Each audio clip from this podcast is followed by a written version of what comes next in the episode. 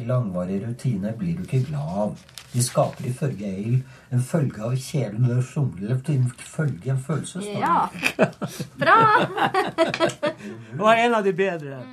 Skuespiller Morten Faldås, tekniker Jostein Sjøhaug og produsent Julie Marie Simonsen har akkurat starta arbeidet med å lese inn Erling Kagges nyeste bok 'Stillhet i støyens tid' for Lydbokforlaget.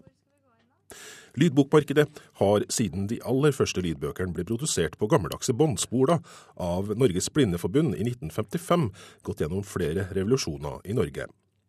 I 1987 produserte Lydbokforlaget de aller første innleste bøkene på det åpne markedet, og siden det har denne delen av litteraturmarkedet vokst seg større og større.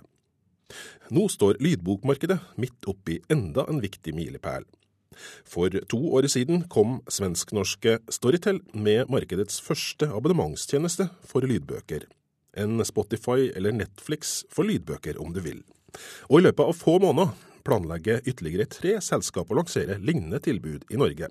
Dette er lydbokforlaget, ebok.no og eReads. Hva kommer dette til å gjøre med lydbokmarkedet? I dette programmet skal vi se nærmere på den knallharde kampen om å vinne kundene i framtidas lydbokmarked. Vi kommer til å høre påstander om misbruk av markedsmakt, og se grunnleggende uenighet om hvordan grunnreglene i konkurransen i litteraturmarkedet skal forstås. Resultatet kan bli at noen av aktørene har store problemer allerede før de lanserer sin tjeneste, rett og slett fordi de ikke får tilgang til lydbøker å streame. Velkommen til Kurer. Mitt navn er Lars Erik Ertsgaard Ringen. Støy i form av forventninger til en skjerm og et tastatur er avhengighetsskapende. Derfor trenger vi stillhet. Jo mer vi blir forstyrret, jo mer vi ønsker Jeg tror vi har en liten Lydbokmarkedet i Norge domineres av Lydbokforlaget og Storytel, som har Cappelen Dam i ryggen. De her to aktørene produserer nesten 95% av alle lydbøker i Norge. Håkon Havik er daglig leder for Storytel Norge, som har vært alene om å tilby streaming av lydbøker til nå. Tjenesten har etter to år rundt 30 000 abonnenter, og har dermed fått et solid forsprang på de andre. Havik mener at Storytel har gjort litteratur tilgjengelig for mange nye grupper de to siste årene. Vi syns det går bra.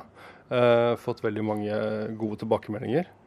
Så setter jeg også veldig pris på at jeg tror vi har fått veldig mange nye uh, lyttere som ikke nødvendigvis har lest så mange bøker før. Og også mange som ikke nødvendigvis har hørt så mange lydbøker før. Og Det syns jeg er veldig spennende uh, i forhold til boklesing og, og, boklytting i Norge. At eh, vi opplever at det er elever på både ungdomsskole og videregående eh, som naturlig nok har en mobil, som kanskje er vant med å ha De har Spotify på mobilen, de er vant med å bruke Netflix. De oppdager at det er en, en eh, app-tjeneste som også leverer lydbøker på en måte de er vant med da, fra, fra annet innhold. Og de prøver det ut, og, de syns det er spennende. Så Det syns jeg er veldig gøy. og det er også tror jeg bra for bokmarkedet. At vi kan fornye oss eh, og også tiltrekke oss eh, nye kunder som ikke eh, nødvendigvis har vært med oss tidligere. Hvorfor er Norge og Skandinavia så spennende og interessant i forhold til å utvikle sånne tjenester som det her? Jeg tror det er flere forklaringer. Hvis vi ser på lydbøker, da, konkret produkter lydbøker, så er det en veldig spennende historie i Norge, eh, som jeg tror mye kan tilskrives NRK og Radioteatret. Eh, radiotradisjonen i, i Norge. Som helt tilbake til 40-50-tallet gjorde at hørespill fikk en eh, veldig sterk posisjon i Norge, og for så vidt fortsatt har det. Eh, og senere så var Norge ganske tidlig ute med å etablere produktet lydbøker. Det, tilbake til 80-tallet fikk en, en ganske sterk posisjon i Norge. Så Parallelt med det så har også Norge vært ganske langt frampå. Norden har vært la- langt frampå med mobilutvikling. Um, og kombinert med det igjen, så er vi et land med veldig høy andel med boklesere og boklyttere. Eh, Så har vi også et, et land med en sterk bokklubbtradisjon. Hvis vi legger sammen alle disse faktorene, så mener jeg at alt ligger til rette da, for at, eh, at Nor- Norge er, norske befolkning er rett og slett veldig positive til strømmetjenester for lydbøker eh, på mobilen. Sammen med Storytel utgjør altså Lydbokforlaget nesten all lydbokproduksjon i Norge i dag. I ryggen har selskapet eierne Aschehoug og Gyldendal Forlag. Forlagssjef Ann Kristin Vasseljen i Lydbokforlaget forteller at markedet er i forandring, selv om selskapet fremdeles selger en god del lydbøker på CD. Du, I år så vil vi nok havne på 50-50. Sånn så det kan man jo si overraskende begge veiene, at lydfil har faktisk tatt så stor andel. Samtidig som at CD-en holder seg relativt stabil. Og vi tror jo at den i overskuelig framtid vil holde seg ganske bra. Og det kommer jo f.eks. at mange bruker å høre lydbøker i bil. Og det er jo veldig lett tilgjengelig, selv om man fortsatt kan bruke, kan bruke mobilen sin. Så er det mange som foretrekker det enkelheten ved å ha en CD. Og så er det jo bokhandel som er en av våre viktigste salgskanaler. Og der har man jo også mange lydbøker tilgjengelig, er, og det vil det nok være i mange år til. Hvor stor har etterspørselen vært etter en streametjeneste imot dere? Altså Har kundene mast på det her? Eh, nei, det vil jeg absolutt påstå de ikke har gjort. For vi har jo hatt lydfiler tilgjengelig i våre egne apper i, i flere år, siden 2000, høsten 2013. Så vi har jo hatt lydbøker tilgjengelig. Men vi ser jo nå at, eh, at eh, det finnes flere tilbud på markedet, og vi ser at det kan være mulighet for at abonnement kan være en løsning for mange av våre kunder også. Blir det her en publiseringskanal som kommer i tillegg til de formatene dere har fra før, eller vil det ta over, tror du? Nei, I første omgang så tenker vi at en egen salgskanal som vil leve parallelt med CD-salget og lydfyll nedlasting. Uh, som vil kanskje ta litt tid å bygge opp en stor nok kundeportefølje på.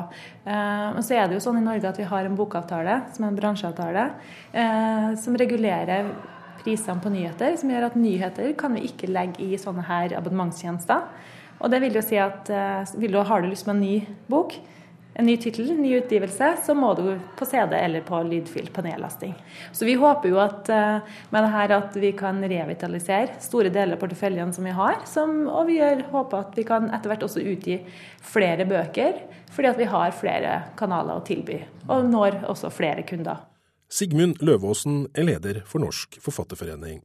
Og han tror på en vekst i lydbokmarkedet etter at mangelen på nye tekniske løsninger har holdt det nede noen år. Nei, det hadde jo en uh, salgstopp, uh, omsetningstopp i 2008 var det vel. Uh, og så gikk det bratt nedover. men nå siste åra så har det vært en veldig stor vekst, særlig da i salg av lydfiler, mens CD-salget var litt på vei ned. Så det er stor optimisme både blant forfattere og, og forlag. Den nedgangen vi så etter i 2008, har man noen tanker om hvorfor den kom? Eh, Altså, lydbøkene var ikke tilgjengelig på de dingsene folk hadde. Eh, altså telefoner og eh, osv. Eh, det var vel fortsatt mye CD-salg, CD eh, mens folk ikke lenger gikk rundt med en Discman. Eh, de fantes gode musikktjenester og nedlasting av musikk, så folk lytta på andre ting eh, enn lydbøker. Men nå som det er nå er lydbøkene tilgjengelig på det folk har i lomma, nemlig telefonen. og da er det helt naturlig at det kommer en økning. Eh, nå skal det sies at CD-salget visstnok er fortsatt er ganske stort. Eh, folk har fortsatt CD-spilleren i, i, i, bilen. Og eh, bibliotekene kjøper CD-er, så det er, ikke, det er, ikke, sånn at det er slutt på det fysiske salget, men lydfilene går rett til værs. Sånn totalt, hvor viktig er lydbokmarkedet for norske forfattere? Utvalget av norske lydbøker er jo mye smalere enn uh, det er av papirbøker og, og, og e-bøker. Uh, det er uh, en stor produksjonskostnad for lydbokforlagene når de skal lage en lydbokinnspilling. så det, da gjør de et utvalg av det som finnes av vanlige bokutgivelser. Eh, så det er, eh, er ikke mer spissa retta mot de eh, som ellers selger mye, og som lydbokforlagene kan tjene mer penger på. Så det er, men det er viktig for en del forfattere. Men det er ikke så viktig for hele forfattergruppa som det papirboksalget er. Hvordan vil det utvikle seg det her i framtida, tror du, i forhold til det at det er kanskje mye smalere enn det tradisjonelle bokmarkedet i dag? Jeg tror kommer, bredden kommer, også i lydbokmarkedet. Eh, det har flere grunner. Det ene er jo veksten i lydbokmarkedet nå. Eh, det andre er de nye abonnementstjenestene. Eh, de som eier de tjenestene, er avhengig av å fylle på med nytt innhold hele tida for å holde på, på lytterne. Og det tredje er at uh, innspillingsteknologien er mye enklere. Vi tror at en del forfattere etter hvert kommer til å spille inn sine egne lydbøker, gi ut sine egne lydbøker. Uh, det er etter hvert veldig enkelt. Hvis man har et godt musikkprogram på datamaskinen si, en god mikrofon og et stille rom, så kan en forfatter veldig enkelt sjøl spille inn en lydbok. Distribusjonen er enkel. Man melder opp eh, lydboka inn mot f.eks. Bokbasen eller en annen distributør. Og så er man ute i alle landets netthandlere og kan inngå avtaler med Storytel eller Lydbokforlagets nye abonnementstjeneste eller eReads. Eh, og så er eh, lydboka ute.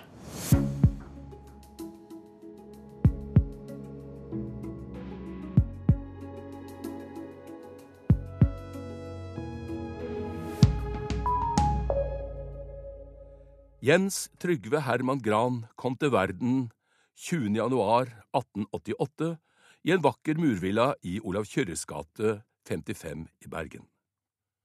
Skal vi se, ta en liten stopp der. Um, på forordet til forfatteren så holdt du deg til uh, 1888-type lesning. Skal du fortsette med det videre utover i boken? Ja, ja Altså, boka er jo skrevet i dag, ikke sant, men det er klart han, han levde jo 20. januar På Storytel vil abonnentene snart få muligheten til å streame Nils Ole Oftebros innlesing av Anne Hege Simonsens bok om Trygve Gran, som er under produksjon akkurat nå.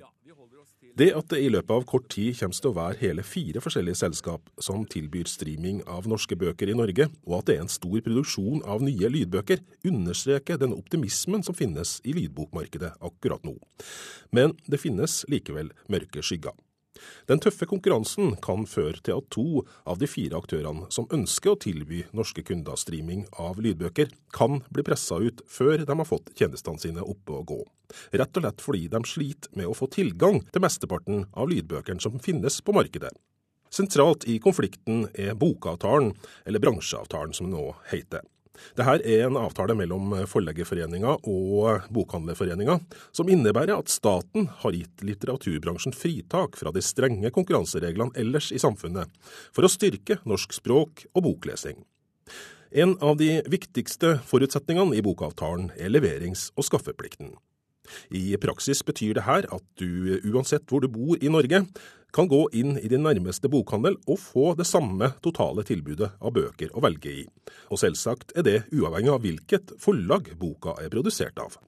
Sigmund Løvaasen, som er daglig leder i Norsk Forfatterforening, frykter at de store aktørene i lydbokmarkedet, som altså sitter på mesteparten av de innspilte lydbøkene, kan bli frista til å misbruke sin markedsposisjon.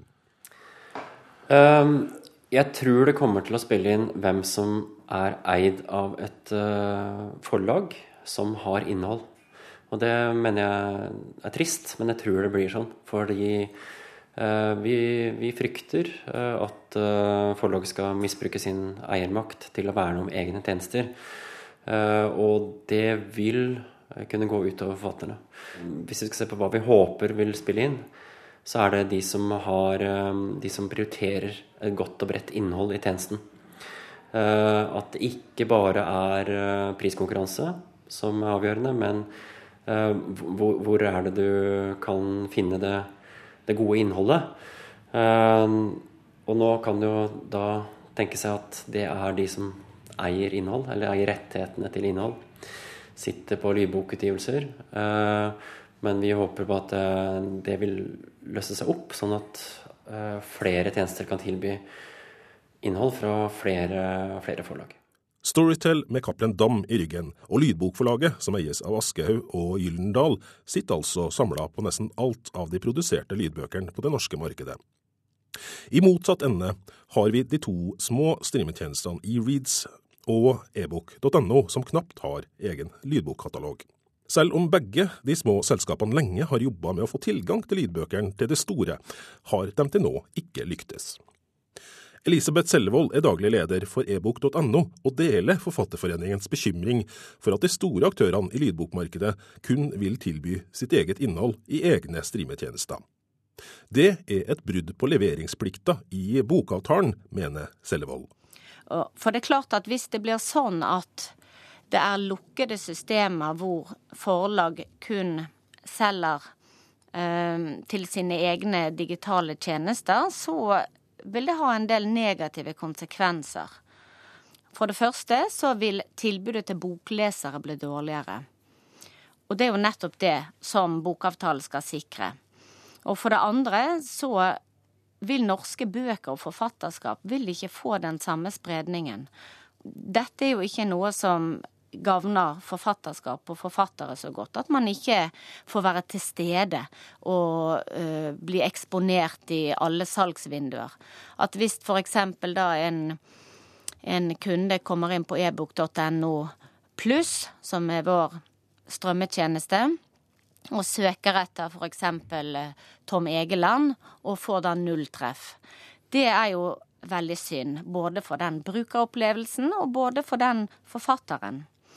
Og så er det et tredje punkt som jeg også synes er viktig å få frem, at dette kan ha en negativ effekt på bransjens omdømme. At vi er en bransje som har en rekke privilegier og plikter, og som det er viktig at vi følger opp og gjør vårt beste for å sikre et godt tilbud til, eh, til nordmenn når det gjelder lesing av norsk litteratur. Den dag i dag selger vi e-bøker og lydbøker fra alle norske forlag.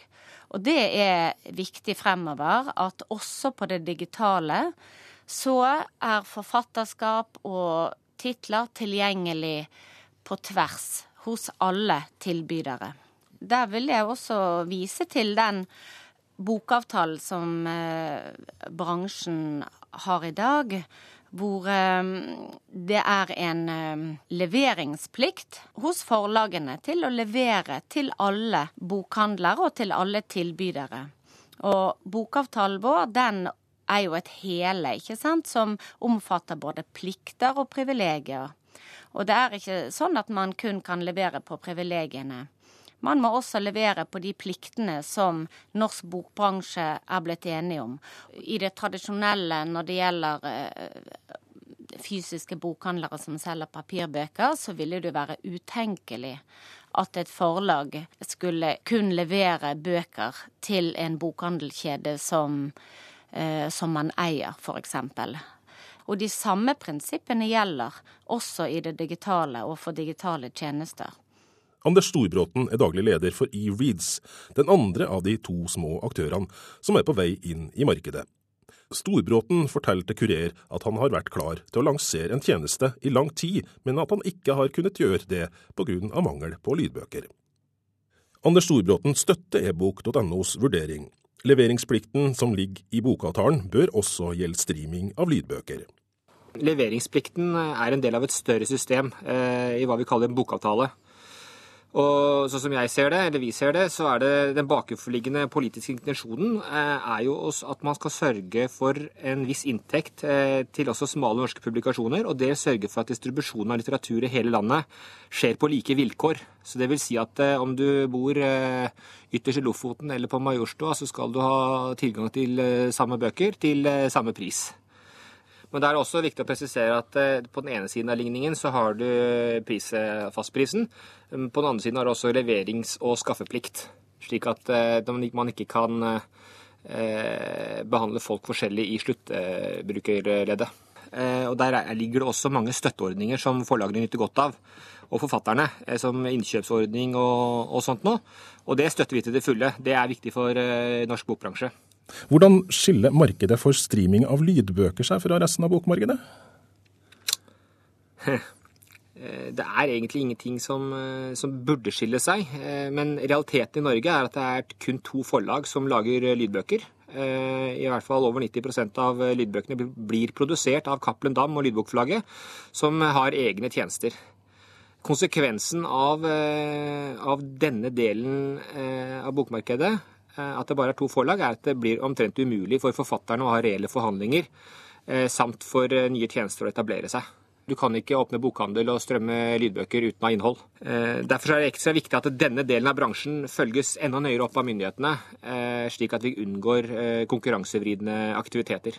Elisabeth Sellevold i ebok.no mener at det er et politisk ansvar å rydde opp i lydbokmarkedet om bransjen ikke klarer det sjøl.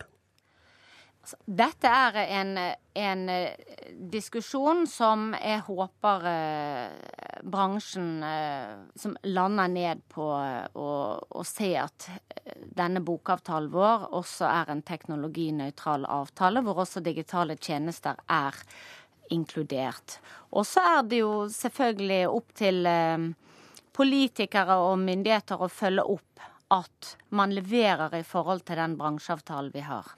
Det er Lydbokforlaget som sitter på den største katalogen av norske lydbøker i dag, med en markedsandel på rundt 70% For å få fram Lydbokforlagets standpunkt i forhold til det her med leveringsplikt eller ikke-leveringsplikt i streamermarkedet, ba vi forlagssjefen presisere selskapets tolkning av reglene.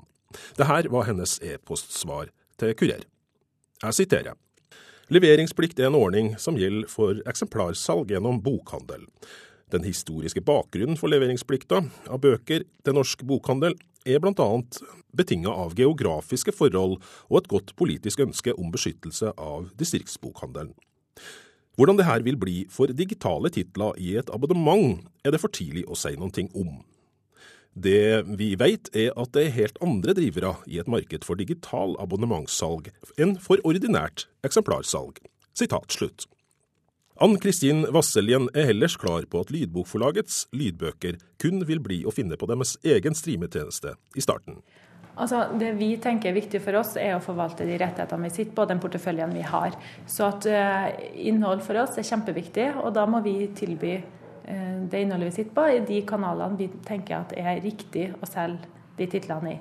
Uh, og det er viktig for oss å sikre vilkår til våre forfattere. Og, det har også vært en del av beslutninga fordi at vi har valgt å lansere en egen tjeneste. Storytel, som altså har Cappelen Dams katalog i ryggen, sier at de har et ønske om å tilby kundene Lydbokforlagets bøker. De har foreløpig ikke gjort noen avtale om å tilby sitt eget innhold på andre tjenester, men utelukker ikke det her i framtida. Håkon Havik sier at Storytel foreløpig må fortsette å være en tjeneste der man ikke får tilgang på alt av norske lydbøker. Ehm, for de som er vant med Netflix, eh, så er det jo ikke sånn at man finner alle nye kinofilmer på Netflix. Det er ikke sånn at man finner absolutt alle filmer i hele verden eh, på Netflix. Eh, slik jeg opplever det, så, så begynner folk å bli vant med det fra andre tjenester, at man ikke nødvendigvis finner alt. Og Det er vi helt åpne om at det gjør man ikke hos oss heller. Ann Kristin Vasseljen i Lydbokforlaget mener at det ikke trenger å være unaturlig å konkurrere på innhold, og sammenligne lydboktjenestene med strømmetjenester for film og TV. Og her ser vi jo at I musikkbransjen så er det jo så å si ingen av de tjenesteleverandørene som tjener penger. Og det er et vanskelig marked å lykkes i. Mens vi ser at i TV og film så har man jo ved å ha egne kanaler med selvstendig innhold faktisk klart å skape en mye bedre økonomi for alle. Eh, så vi har jo mer lyst til å sammenligne oss med, med film- og TV-bransjen, som også har lykkes. da. Irrgrønt brevann, snøkledde fjell med mørke flekker av vår.